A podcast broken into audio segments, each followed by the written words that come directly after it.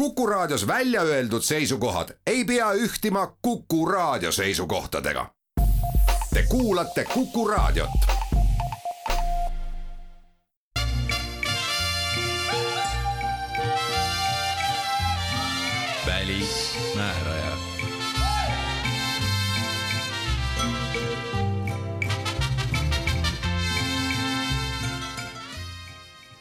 Tere pühapäeva hommikust, mina olen Neeme Raud. maailma suurlehtede tänane esilehe pealkiri on tsitaat USA presidendi Joe Bideni eilsest kõnest Poolas.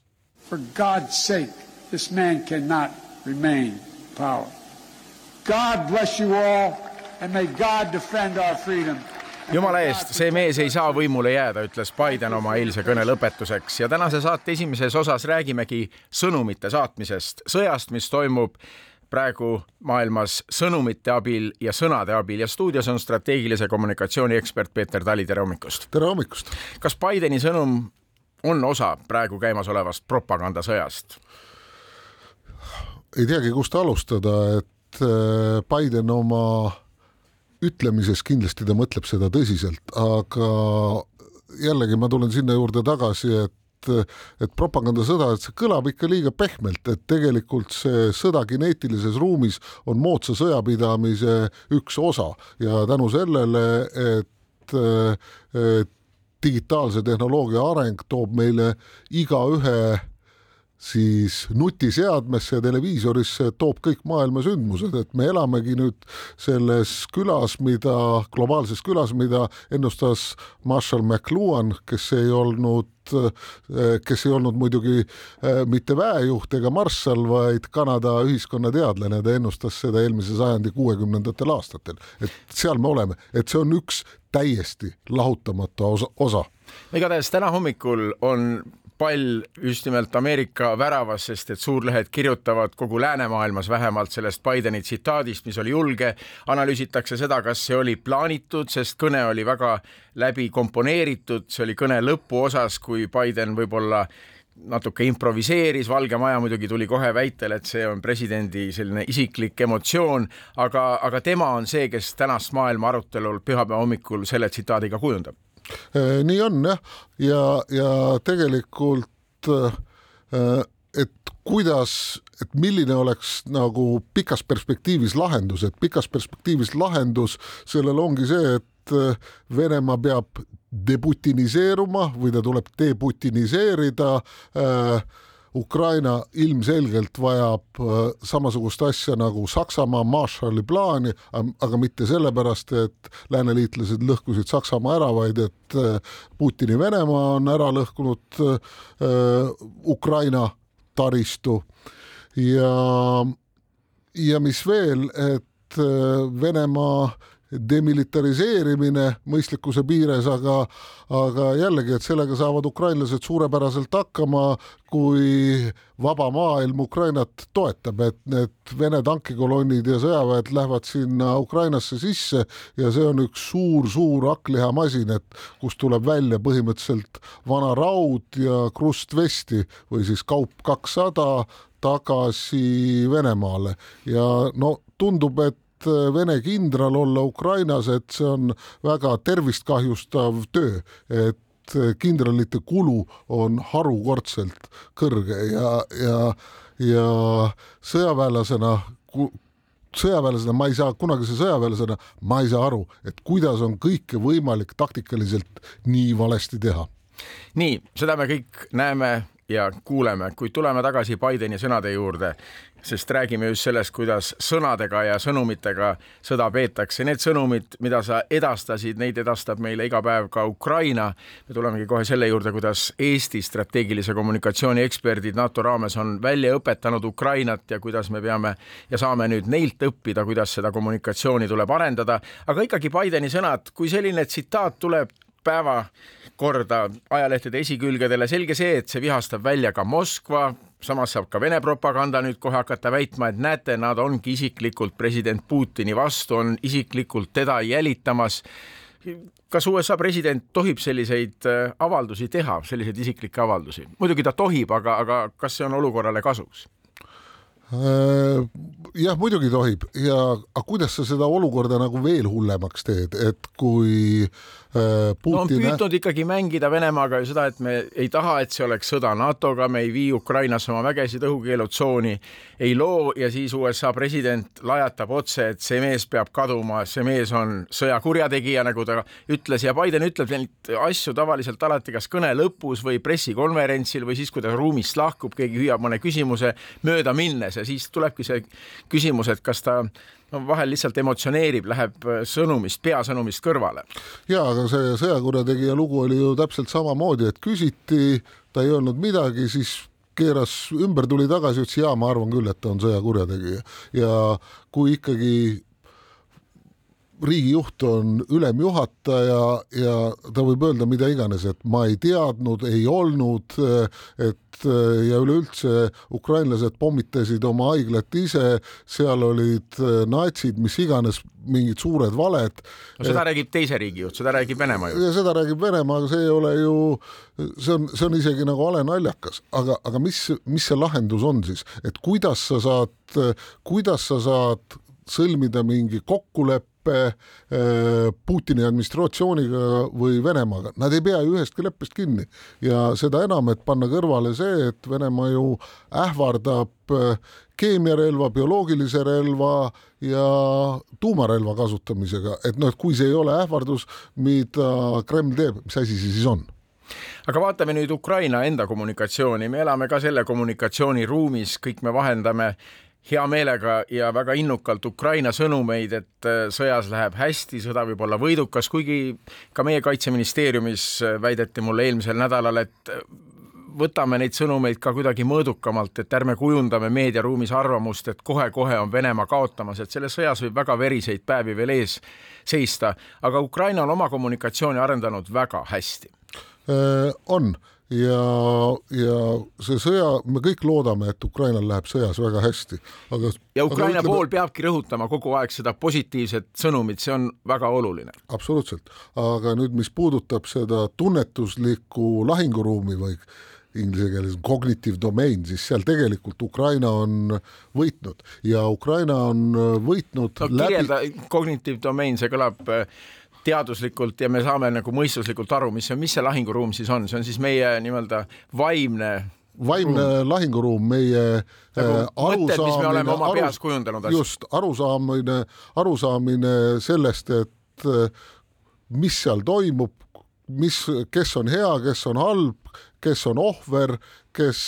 kes on vabadusvõitleja ja kes võidab ja kes kaotab ja täna ikkagi äh, vaba maailm saab täiesti selgelt aru, et Ukraina, Ukraina on nagu ütleme siis valguserüütlid, et nad on headuse poolt, kaitsevad vabadust, demokraatiat ja oma rahva enesemääramisõigust. aga kas nad on ka võidukad? me ja nad on ka võidukad selles mõttes, et et me, me tahame kõrvale... seda, ühelt poolt on see soovmõtlemine, et me tahame seda, aga reaalsus?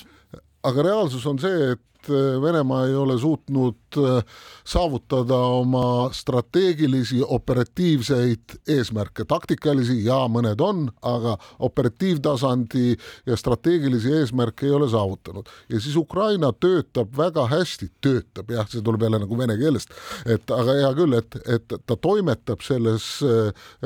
inforuumis suurepäraselt ja kasutab ära suurepäraselt digimeedia ja sotsiaalvõrgustikke ja see on läbimõeldud tegevus ja koordineeritud tegevus ka, loomulikult juhtub ka õnnetusi, aga üldiselt on see hästi koordineeritud tege-, tegevus ja seal on nagu kolm peamist sihtgruppi, kellega töötatakse, et et need on ukrainlased ise, et öelda, et me saame hakkama, me võidame ja, ja me okupandid hävitame ära, tapame ära, lõhume ära siis teine asi, et tagada läänemaailma toetus ja näidata siis neid sõjakoledusi, et kuidas tsiviilelanikkonda Äh, äh, ahistatakse, tapetakse, taristut lõhutakse, koolid, elamud, tehased, et noh, palju Ukraina linnu on varemes, venekeelseid linnu. ja kolmas siis ehmatada ja lõhkuda vastase ehk siis venelaste ja nende liitlaste tahet, näidates põlenud äh, tanke, lahingutehnikat ja neid verd arretamaid pilte laipadest, et põlenud tankistid, pluss siis ka seda, et milline see Vene sõjavägi siis nagu tegelikult on, et vangi võetud ajateenijad, kes näevad haledad välja ja samas ka professionaalsed sõdurid, et mõnel on silmad sinised, ehk on kukkunud lennuki pealt või midagi, aga et, et Ukraina suudab vangi võtta äh, Äh, ja neutraliseerida kineetiliselt ja mittekineetiliselt siis nii ajateenijaid kui ka professionaalseid omooni-kõrilõikajaid või professionaalseid lendureid, et, et see on see pilt ja siis riigi esikõneleja, riigi president, kes on praegu no maailmas siis, kui vaadata hea ja kurja vahekorda, tema on siis see maailma hea eest kõneleja, samas on ta paljudes kõnedes, mis ta on pidanud lääne parlamentidele, läänt ikkagi nahutanud, et ei aita meid nii palju, kui me vajaksime. Ja loomulikult, loomulikult ta peabki seda tegema, sest tema peabki nõudma seda abi ja, ja selles mõttes, kui vaadata nagu kommunikatsiooni mõttes, Zelenskõi on lihtsalt suurepärane, et noh, eks me oleme ju näitlejatest presidente varemgi näinud, Ronald Reagan, kes kes oli ka suurepärane sõnumite esindaja. ja, ja kes bluffis Nõukogude Liidu pikali oma tähesõjade programmiga nagu pokkerimängus. pokkeri nägu oli ees ja rääkis asjast, mida ei olnud ja Nõukogude Liit investeeris ennast kummuli. aga, aga Zelenskõi on, Zelenskõi on lihtsalt Äh, ta on lihtsalt suurepärane, aga ta, see ei ole ainult tema, et tema e heaks töötab terve meeskond. Ja nagu, nagu selles sotsiaalmeedia ruumis ka, et tegelikult see on koordineeritud, seal töötavad, seal, seal võitlevad nagu tuhanded ukrainlased nii Ukrainas kui diasporaades väljaspool Ukrainast. Või ma, ma umbes tean, et kuidas see on nagu üles ehitatud, aga kui palju neid täpselt on, kas on tuhat või kümme tuhat. kes siis tegelevad no, selle sõnumi edastamisega? ja et kes siis riivistavad neid vaenulikke sõnumeid, mida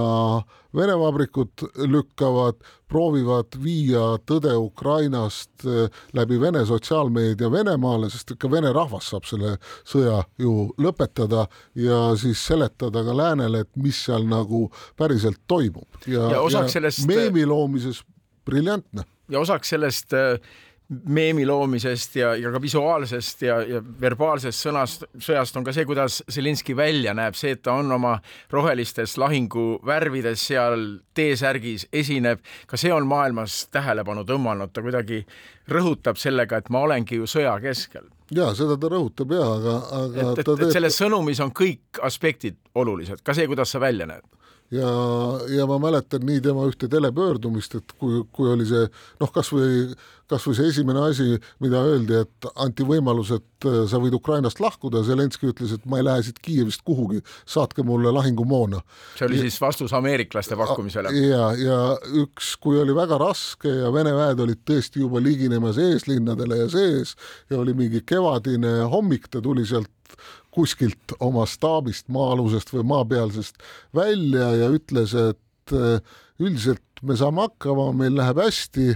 varsti tuleb kevad ja siis pilgutas silma, et see oli nagu nii inimlik ja see andis kõigile ukrainlastele ja, ja ma arvan. ja maailmale, läänemaailmale, kes ukrainlaste selja taga. et, et see oli nii, nagu nii inimlik äh, inimlik puudutus, et ma ei ütleks trikk, aga noh, see oli kindlasti läbimõeldud, jah. Eesti on NATO raames ka aidanud Ukraina äh, strateegilist kommunikatsiooni korraldada, ilmselt oled isegi, sa varem töötasid ju Riias just nimelt NATO strateegilise kommunikatsiooni ühes keskuses Ukrainas käinud koolitamas neid, kuidas edastada sõnumit ja nüüd me näeme, kui hästi nad õppisid seda. ja, ja ma ja nüüd tahaks ukrainlaste käest õppida juba, et kuidas nad, kuidas no mida, mida meie siis nüüd õpiksime? aga, aga ukrainlased kasutavad väga meisterlikult siis eh, sõna, pilti ja tegu, et mis teebki tavalisest kommunikatsioonist strateegilise kommunikatsiooni. Ja tegelikult eks nad on ka õppinud seda, mida, mida me oleme nendega arutanud ja rääkinud, ega see ei olnud nagu päris õpetamine, see oli rohkem nagu mentorlus või kogemuste jagamine, niisugune pehme, et, et me kunagi ei öelnud, et ukrainlased, te peate tegema nii, nii, nii, et me lihtsalt arutasime ja, ja,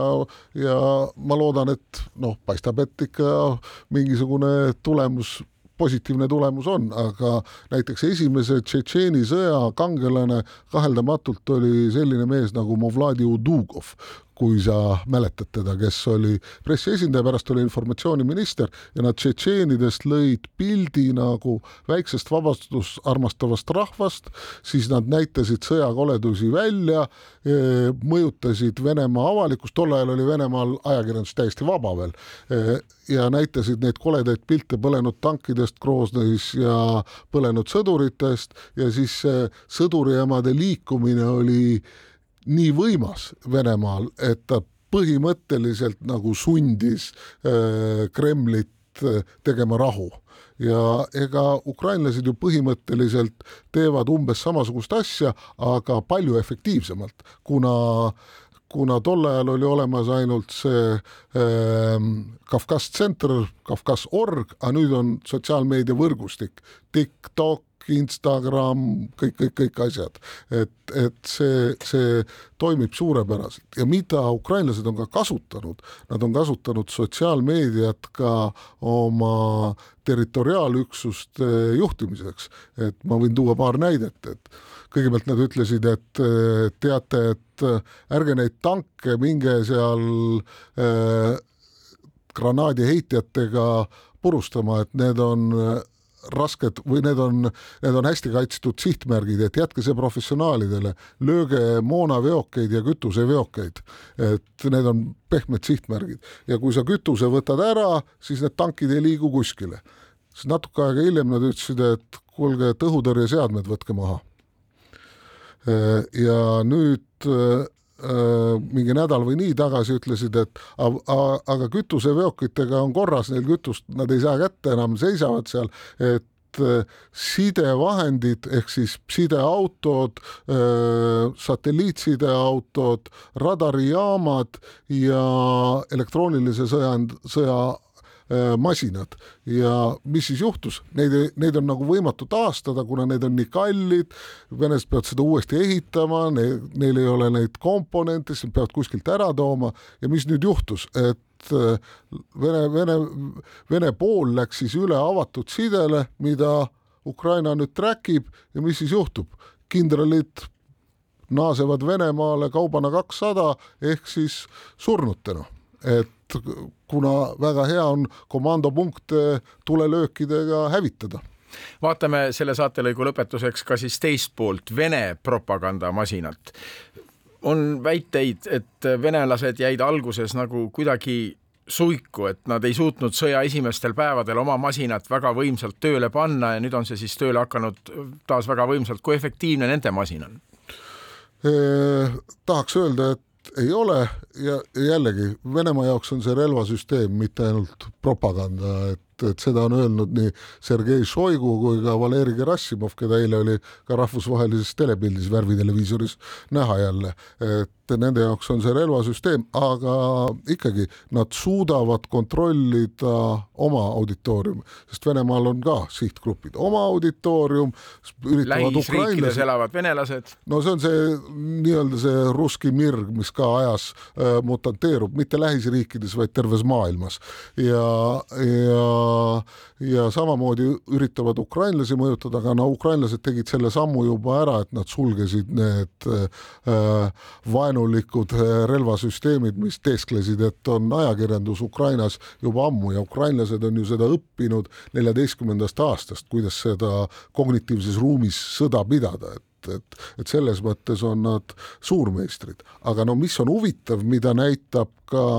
avaliku arvamuse uuring, mis viidi läbi Polling Kanadas, et et mis la-, lang-, langeb kokku, et venelased on aktiveerinud need nii-öelda vandenõuteoreetikud ja et avaliku arvamuse uuringu järgi langeb kokku see grupp äh, inimesi noh, protsendipunktiga, kes arvab, et koroonapiirangud äh, ja regulatsioonid Kanadas olid saatanast ja umbes sama palju inimesi toetab ka Venemaa sõnumeid seoses sõja hoogustumisega Ukrainas, see ei ole juhus. See ei ole juhus, strateegilise kommunikatsiooni ekspert Peeter Tali täna hommikul, aitäh.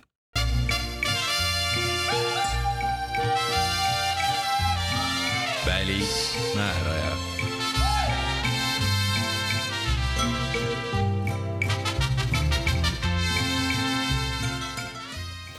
edasi siirdume jutuga Aafrikasse. mul on Zoomi ühendus Somaaliaga. Mogadishus on Euroopa Liidu suursaadik, Eesti diplomaat Tiina Intelmann ja läheme kohe asja juurde. kuidas praegune sõda, Ukraina sõda Aafrikasse kätte paistab? no ütleme, sõja mõjud on jõudnud näiteks siia Somaaliasse, kus mina praegu töötan. energiahinnad on üles läinud ja ka toiduainete hinnad on üles läinud juba praegu ma seda toiduainete osas ei, ei tea, kas see on otseselt seotud sõjaga, aga on juba selge, et Ukraina on üks äh, maailma suurimaid nisu eksportijaid ja Aafrika Liit on teinud ka oma sellise kollektiivse avalduse, mõistnud hukka selle sõja. aga noh, kui me vaatame neid ÜRO hääletusi, siis ikkagi on näha ka seda, et, et nii mõnedki Aafrika riigid tahavad ikkagi pigem olla neutraalsed, sellepärast et eks see on üks, üks teise kontinendi sõda ja, ja kes see siis täpselt teab, mis seal on ja, ja rohkem räägitakse sellest, et andke diplomaatiale võimalus. et ühesõnaga siiski natukene teistmoodi võib-olla nähakse seda sõda, kui, kui meie Eestis Aafrikas on ka riike, kes on väga tihedalt Venemaaga seotud ja kes õigustavad Venemaad selles sõjas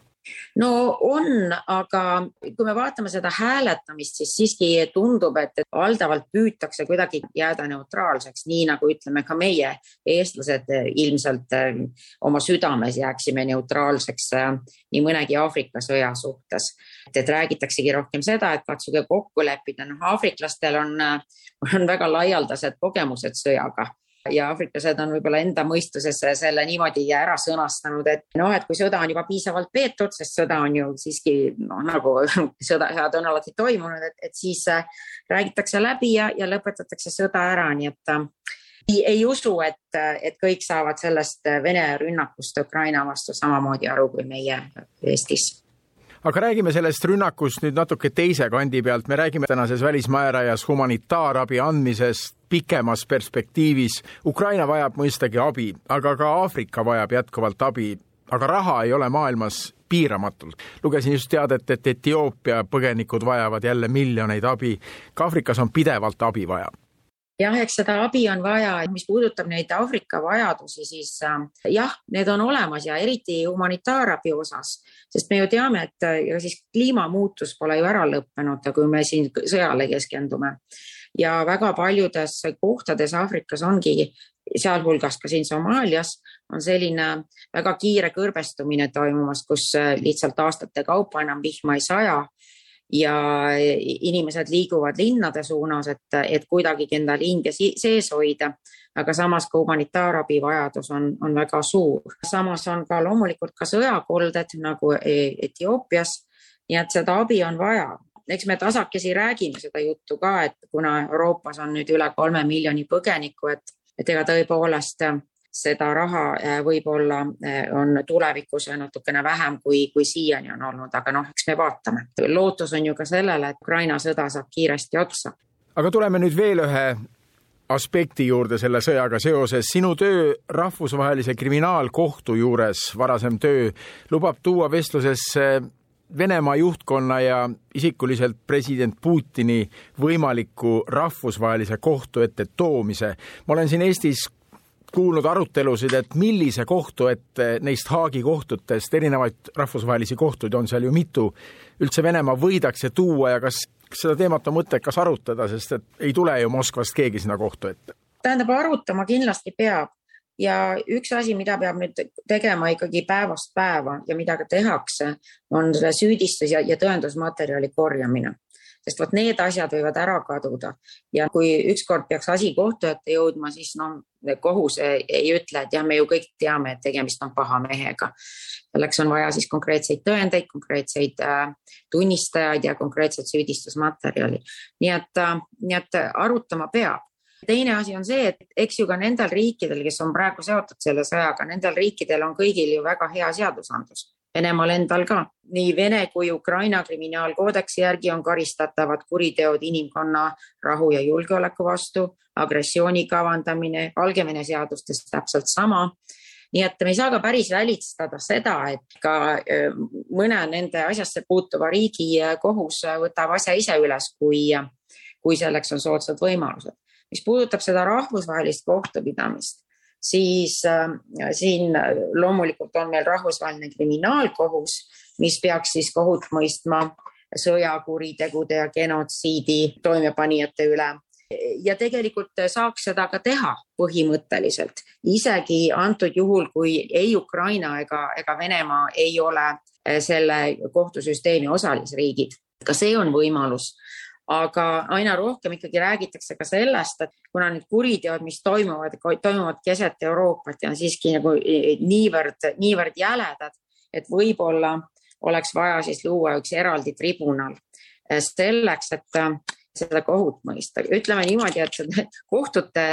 kohtute puudusesse see asi nüüd ei, ei takerdu. pigem on asi selles, et ka tagaselja kohtumõistmine on selline, no nagu rohkem selline teoreetiline asi, et, et ikkagi kohtualune peab ennast ka kaitsma ja, ja mis kohtumõistmine see on, kui, kui samas süüdistatu teeb, teeb oma kohtu, teeb oma pahategusid edasi. nii et, nii et jah, kindlasti on vajalik see arutelu, on vajalik nende tunnistusmaterjalide ja tõendusmaterjalide, süüdistusmaterjalide korjamine väga-väga metoodiliselt, mida ka praegu tehakse. Aga millise kohtu ette see asi ükskord tuleb, on, on lahtine. rahvusvaheline kriminaalkohus on alustanud ka uurimist praegu nende sündmuste osas, mis, mis praegu toimuvad. ja samamoodi korjatakse materjali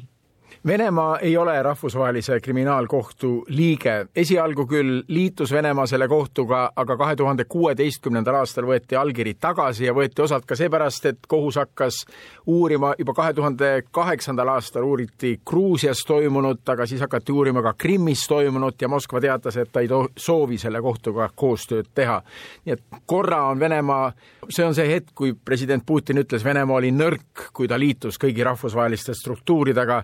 korra on ta selle kohtuga liitunud, aga siis teatas ta, et ta loobub sellest. tegelikult ka Ukraina ei ole selle kohtusüsteemiga liitunud. kohtu statuudis on antud selline võimalus, et ähm, riik, kes ei ole selle statuudiga liitunud, saab teha avalduse ja suunata siis teatud sündmused või teatud ajaperiood, kus need sündmused toimusid, siis kohtu ette. Ja ukrainlased tegid seda ja seoses Maidani sündmustega kaks tuhat kolmteist, kaks tuhat neliteist, kolmteist, neliteist vahetusel. Ja siis me loomulikult ka rääkisime ukrainlastega sel teemal, et noh, tegelikult nii need asjad ei käi, et te peaksite ikkagi liituma kogu kohtusüsteemiga no nad ei tahtnud seda teha, küll aga tegid nad siis kahe tuhande viieteistkümnendal aastal järgmise avalduse, kus siis nad jällegi aktsepteerisid kohtu jurisdiktsiooni. nii et nende avalduste alusel siis praegu käibki praeguste sündmuste kohta uurimine ja, ja, ja materjalide kogumine. nii et ukrainlaste äh, suhe rahvusvahelise kriminaalkohtuga ei ole ka ühene ja samas äh, on kohus võimeline ka arutama agressioonikuritegu, aga seda sellisel juhul ainult Äh, kui agressioonikuritegu on toime pandud äh, kohtuga ühinenud äh, riigis või nende kodanike poolt, nii et antud juhul Ukraina suhtes see, seda kuriteoliiki ei saa käsitleda. Ja see on võib-olla ka põhjuseks, miks väga paljud on nüüd rääkinud, et peaks ikkagi eraldi tribunali looma, kui see vähegi võimalik on aga see, et Venemaa kohtuga liitus ja kohtust lahkus, no USA ei ole kohtuga liitunud, Iisrael ei ole kohtuga liitunud, mis see tähendab siis riikide jaoks, kes ei ole kohtu liikmed, mida nendega võib ette võtta, see kohus? mida nendega võib ette võtta? eks see kohus on ikkagi, ta on selline kollektiivne eh, kaitsemehhanism et, ähm, et noh, ka näiteks nüüd Eesti, Eesti puhul ütleme näiteks, et agressioonikuritegu, et, et kõigepealt, kui mingid sellised äh, rahvusvahelised kuriteoliigid Eestis näiteks toimuksid, siis loomulikult eeldatakse, et meie enda kohtud hakkavad neid uurima ja, ja kahtlustatavate üle kohut mõistma aga siis, kui Eesti kohtud ei ole seda võimelised tegema, näiteks kui peaks toimuma agressioonikuritegu ja meie enda süsteemid on juba rivist väljas, siis saab kohe käivituda rahvusvaheline kriminaalkohus. et eks siis need kohtud, need riigid, kes ei ole ühinenud, eks nad siis loomulikult äh, loodavad, loodavad iseenda peale, et neil ei ole vaja sellist kaitse, kaitsesüsteemi nagu, nagu me rahvusvaheliselt oleme kokku pannud siin ja kokku leppinud aga ka loomulikult asi on selles, et, et näiteks mis puudutab USA-d ja võib-olla mõnda teist tugevamat riiki, siis äh, rahvusvahelises õiguses hakkas ühel hetkel levima ka selline printsiip kohustus kaitsta, mis äh, tähendaski siis seda, et, et meie rahvusvahelise kogukonnana võime kasutada jõudu nende riikide või, või, või nende jõudude vastu, kes siis panevad toime ränki kuritegusid ja noh, see on nagu natukene need kaardid segamini ajanud, sellepärast et siis ühel hetkel hakati arvama, et aga, aga äkki siis rahvusvaheline kriminaalkohus pöördub hoopis meie vastu, nii et jah, eks suurriikide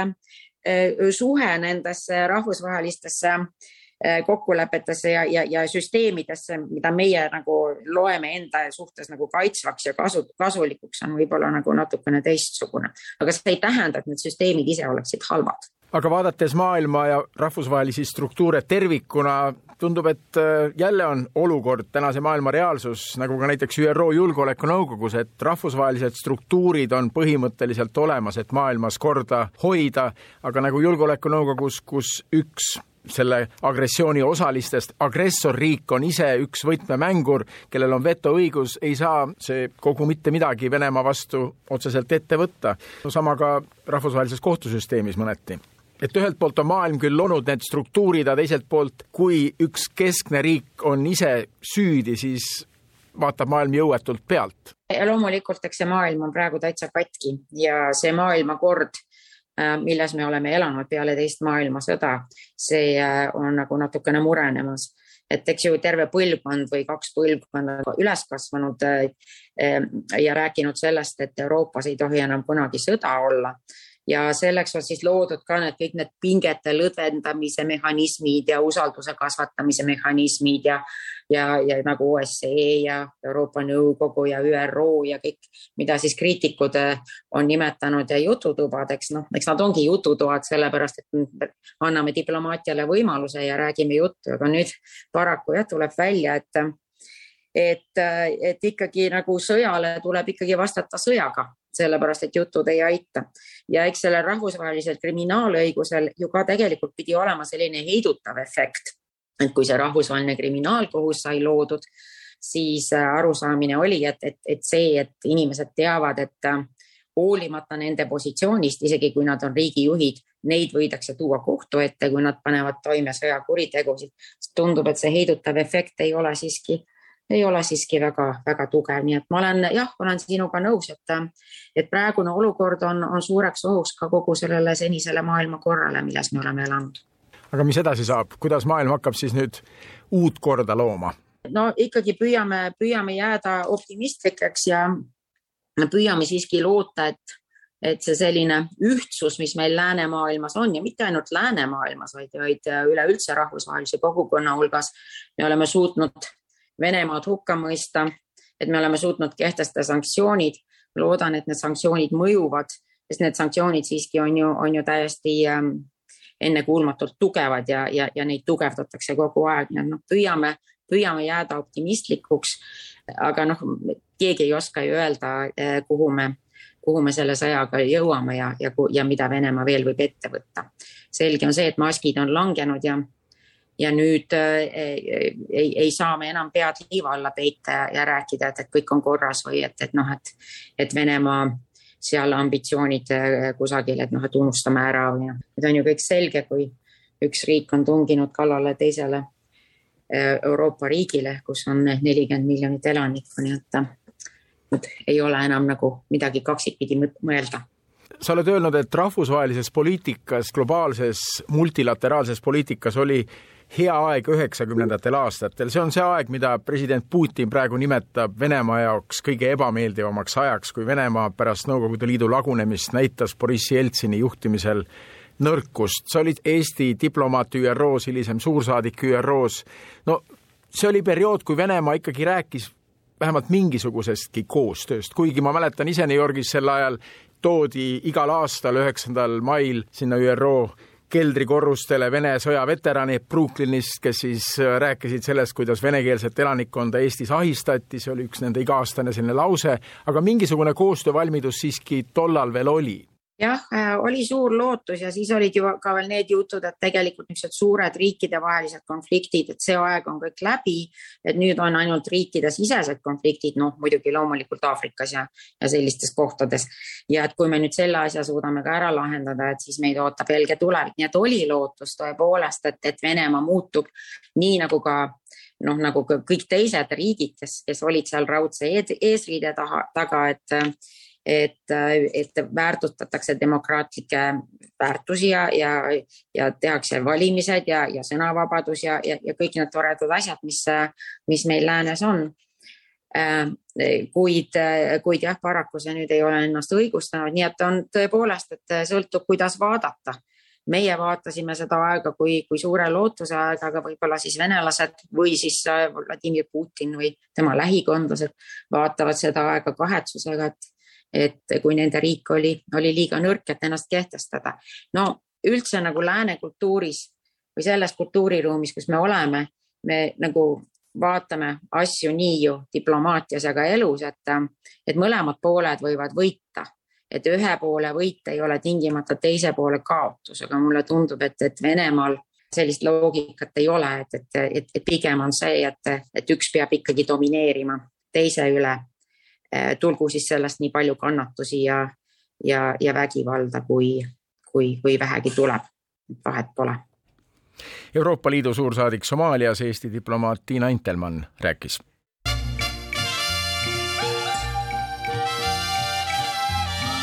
välismääraja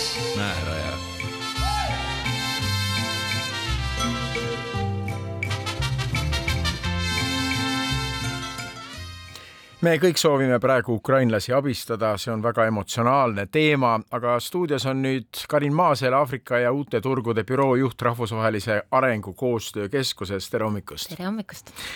sina vaatad kriisides abi andmist pisut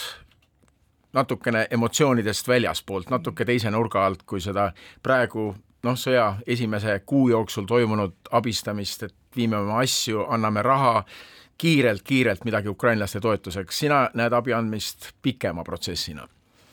just, ja, ja minu meelest äh, ma leian, et iga kriis, eks ju, on, on ka võimalus äh, meil selle sektorina, humanitaarabisektorina väga areneda. ja et see juhtuks, peame me ka eestlastena ja ühiskonnana suutma seda, seda teemat natuke rohkem aduda. et mina tõesti vaatan praegu ja meie ka Arengukoostöö Keskusena vaatame ka tulevikku, et kui selline äh, väga selline lühiajaline, väga äkiline humanitaarabi ehk siis toiduabi, meditsiiniline abi, kõik, mida praegu Eesti rahvas ja organisatsioonid annavad, kui see vajadus lõpeb, mis võib olla, eks ju, kahe-kolme kuu pärast ähm,, sõltuvalt siis sõjategevusest, mis saab edasi, et humanitaarkriisidele vastamine on tegelikult ja nende leevendamine on tegelikult ka pikaajaline protsess. no sa ütled, et lühiajaline. vajadus lõpeb, aga teisalt lõpeb ka see ind inimestel mm., sest ühel hetkel lihtsalt ei ole enam seda indu, et minna Just. ja anda anda abi. Ja raha ei ole ja asju ka ei ole enam. No kui me vaatame, kuidas selline globaalne ühiskond humanitaarkriisidele reageerib, siis see on selline haibipõhine. et ta on hästi selline hüppeline, et esimestel kuudel emotsioonid on laes, praegu me näeme seda ka, kuidas meedia seda kajastab, aga, aga kogemus näitab, et on kuude küsimus, kui see lihtsalt kukub meie meediast ja meie mõtetest ära. mis on probleem selle juures, on siis, kui see kukub ära meediast, siis kukub ära ka selline rahvusvaheline rahastus, et, et riigid muidu muidugi rahastavad, aga selline eraisiku, eraettevõtete rahastus langeb. ja see on väga suur paradoks, sest kui, kui humanitaarkriisid on pikaajalised ja rahastus ja tähelepanuvõime on lühiajaline, siis kuidas me katame neid vajadusi, mis on, mis tulevad edasi. Mis need vajadused täpselt on ähm,? vaadates korraks sammu tagasi, et humanitaarabi on elu päästev abi, aga mis on elu päästev, on väga mitmeti mõtestatav, et ka haridus, nagu Euroopa Komisjon on seda defineerinud, on lastele elu päästev, et kuidas, et kuidas me tagame lastele sellise rutiinse elu, kuidas me tagame vanematele võimaluse eh, enda eluga edasi minna kriisi kontekstis, et ja riik tuleb üles ehitada. no, no riik tuleb üles ehitada, just, et kuidas me tagame, et see tähelepanu ja rahastus on pikaajaline, kuna vajadused ja riigi ülesehitamine on ju pikaajaline no, protsess. mis see lühike vastus siis oleks? Vastaks sellele küsimusele? et mis need vajadused saavad olema? kuidas me tagame? kuidas me tagame? no äh, ma arvan, et üks, üks äh, võima-, üks ähm, lahend on äh, et kaasata selles näiteks ka erasektorit, erasektor peab nägema endale väga selget rolli, kuidas humanitaarkriisidele vastata ja mis võimalused nendel seal ka on. et üks humanitaarkriis on ka investeering. no just, no vaatame näiteks ühte väga selget äh, lahendit, et üks väga nii-öelda populaarsust koguv äh, abi pakkumisvahend on sularahapõhine. et me anname inimestele mitte asju, ei madratseid, patju ega sööki, eks ju, vaid me anname neile, no, no anname neile kõigile, eks ju, Ukrainas on ID-kaardid, eh, nii-öelda passid olemas, inimestel on pangakaardid olemas, iga, igakuiselt anname neile mingisuguse rahalise süsti.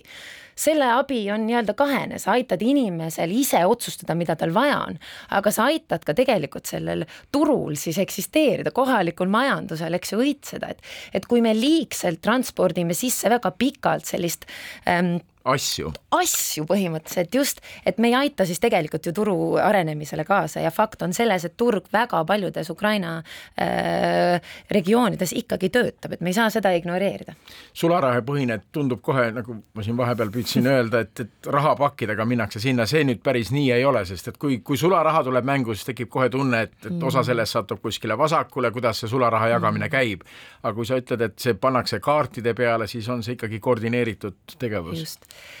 see kriteerium siis, mis pannakse paika, et kes on selle, kes saab üldse olla sularaha äh, või rahalise abi siis saaja, on, on tavaliselt väga äh,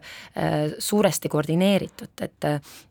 Ukraina näitel võib see tulevikus olla, eks ju ähm,, perekonnad, kus meest enam ei ole, kus ongi ainult, eks ju, ema ja, ja lapsed äh,, kus äh, regioonides, kus on sõjategevus olnud intensiivsem, regioonides, kus äh, inimestel ise ei ole võimalik tööle minna, et see ei ole selline nii-öelda blanket, et tekk peale kõigile, kõigile sularaha abi, aga just, et, et see kriteerium, mis paika pannakse, on, on väga selgelt koordineeritud ja defineeritud. sa oled abi andmisega, rahvusvahelise abi andmisega tegelenud äh, päris pikka aega erinevates organisatsioonides, räägime sinu looga lühidalt mm. ära, et sa ei ole siin stuudios lihtsalt rääkimas suuri loosungeid praegu välja, sul on ikkagi väga pikaajaline kogemus sellel alal. just,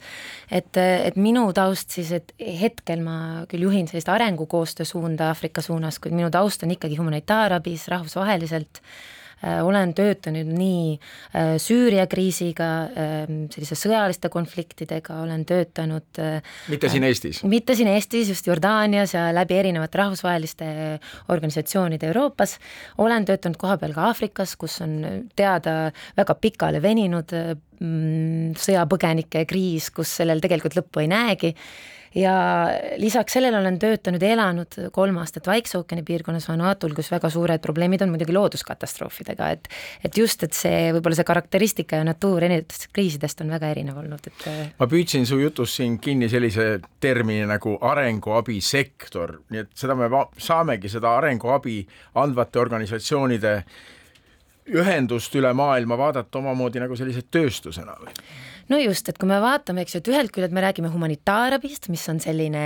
ähm, elu päästev nii-öelda missioon ja, ja siis on arengukoostöö, mis on selline pikaajaline ja arengu, nagu arengukoostööga ise ütleb, et, et seal peab olema ka nii-öelda vastastikune selline motivatsioon või kasu, eks ju jah, see on turg ja, ja on oluline ja see, see on teenus, mida pakutakse ja sellepärast on minu meelest, me oleme sinuga ennem ka sellest rääkinud, et mis on siis heategevuse ja selline emotsiooni ajel tehtav tegevus, mis on, mis on humanitaarkriisidega nii-öelda professionaalne, mis see sektor on? kust see professionaalsus siis tuleb, ilmselt see on siis see overhead inglisekeelse sõnaga, et kui abi antakse, ikkagi mõeldakse, et kas see euro, mis ma annan, jõuab ühe eurona ka abivajajani mm., aga kuna selleks tuleb ikkagi teha mingisugust tööd, mingit koordinatsiooni, siis ilmselt see euro, no mingid sendid sealt lähevad ikkagi ära. Mm. Just, et, et nende heategevuse ja humanitaar äh, abi äh, kui professionaalse sektori, selle nende vahe tegemine on väga oluline ka selle, selle narratiivi nii-öelda selgitamisel, mida sina enne just selgitasid. et heategevus on selline tihti emotsiooni ajel, see ei ole ilmtingimata süstemaatiline tegevus, tegevus, see ei ole ilmtingimata institutsionaalne tegevus. kui me räägime humanitaarkriiside äh, sektoris, humanitaarabisektorist, siis me räägime ikkagi suurtest mastaapsetest operatsioonidest, teenustest, mitte ainult produktidest, eks ju, et me räägime ikkagi institutsionaalsetest protsessidest, millel on tegelikult ka formaalne vastutus, eks ju, selle tegevuse lõpus. et ähm, ja see ka tähendab, et, et mida professionaalsemaks üks sektor muutub, seda kallim ta ka tegelikult on. et, et kui me räägime siis teenustest, eks mida humanitaarabisektoris pakutakse, see on vaimse tervise tugi, see on hariduse edendamise tugi, see on haiglate ühe, ülesehitamine, arst, meditsiin, et, et see on palju komplekssem kui, kui lihtne heategevus, aga ei ole sellist asja, et üks on parem kui teine või üks on mõjusam kui teine, et et nad on omavahel väga seotud, et kui me vaatame näiteks, kui palju on Eesti inimesed ja erasektor rahaliselt läbi heategevuse tulnud organisatsioonidele appi, siis see rahastus, mis tuleb läbi heategevuse, on just see kõige fleksibiilsem rahastus, mida äh, siis humanitaar abisektoris tegutsevad professionaalsed organisatsioonid saavad kasutada väga fleksibiilselt, kui, kui vajadused muutuvad, mis ju alati toimub. kuidas nüüd seda Ukraina emotsioonidel põhinevat heategevust muuta pikaajaliseks abi andmiseks, pikaajaliseks protsessiks, mis tõesti hakkab seda ühiskonda taas üles ehitama mm.?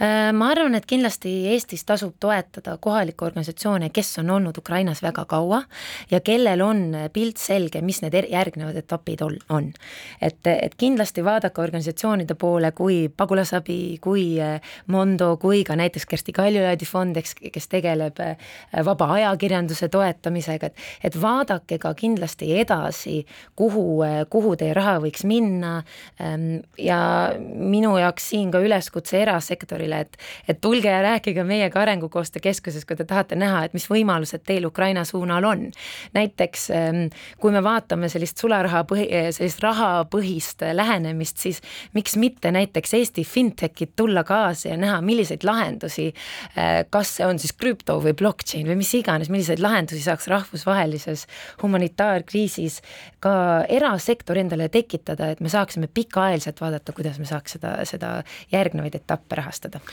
selles saatetunnis põikasime ka Aafrikas ja sinu töö on ka seotud mm. Aafrikaga. no me oleme praegu keskendunud Ukraina kriisile samas on maailmas ka teisi kriise, Tiina Intelmann rääkis just Aafrika kriisidest, miks me peame ka Aafrikale mõtlema praegu? ka meie ressursid on ikkagi piiratud, me ei saa kogu maailma aidata mm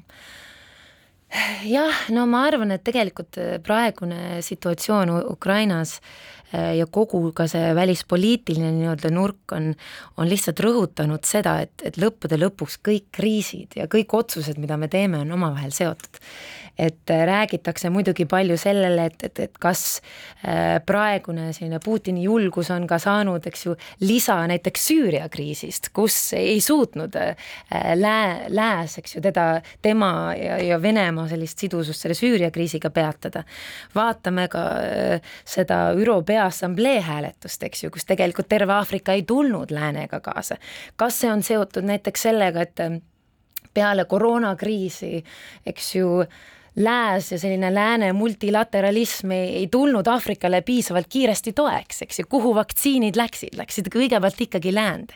et me peame vaatama ikkagi eh, neid kriise kõik ühtsena, sest lõppude lõpuks me oleme ju kõik omavahel seotud ja, ja sinna muidugi kuulub ka Aafrika nii-öelda pagulaskriis, eks ju, et väga palju räägitakse praegu topeltstandarditest, et miks nii kiiresti on Ukraina kriis genereerinud rahastust, aga samal ajal on, on Aafrika Aafrikas, eks ju, kriisid, Jeemen, Liibüa, Somaalia. Ukraina kriis on meile eksistentsiaalselt nii lähedal. no just, aga, aga, aga see, kui, kuidas me rahvusvahelise kogukonnana suudame sellele reageerida, see, see oleneb nii paljudest teistest faktoritest, kuidas me teistes situatsioonides oleme reageerinud, meil on Aafrika riike vaja et, et, et tulla selle kriisi taha, eks ju, ka praegu Ukrainas ja me näeme, et see ei ole olnud lihtne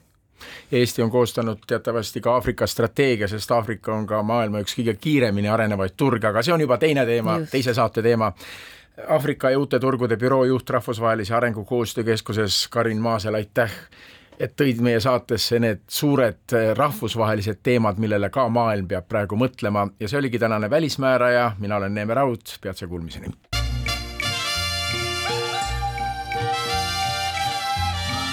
välismääraja.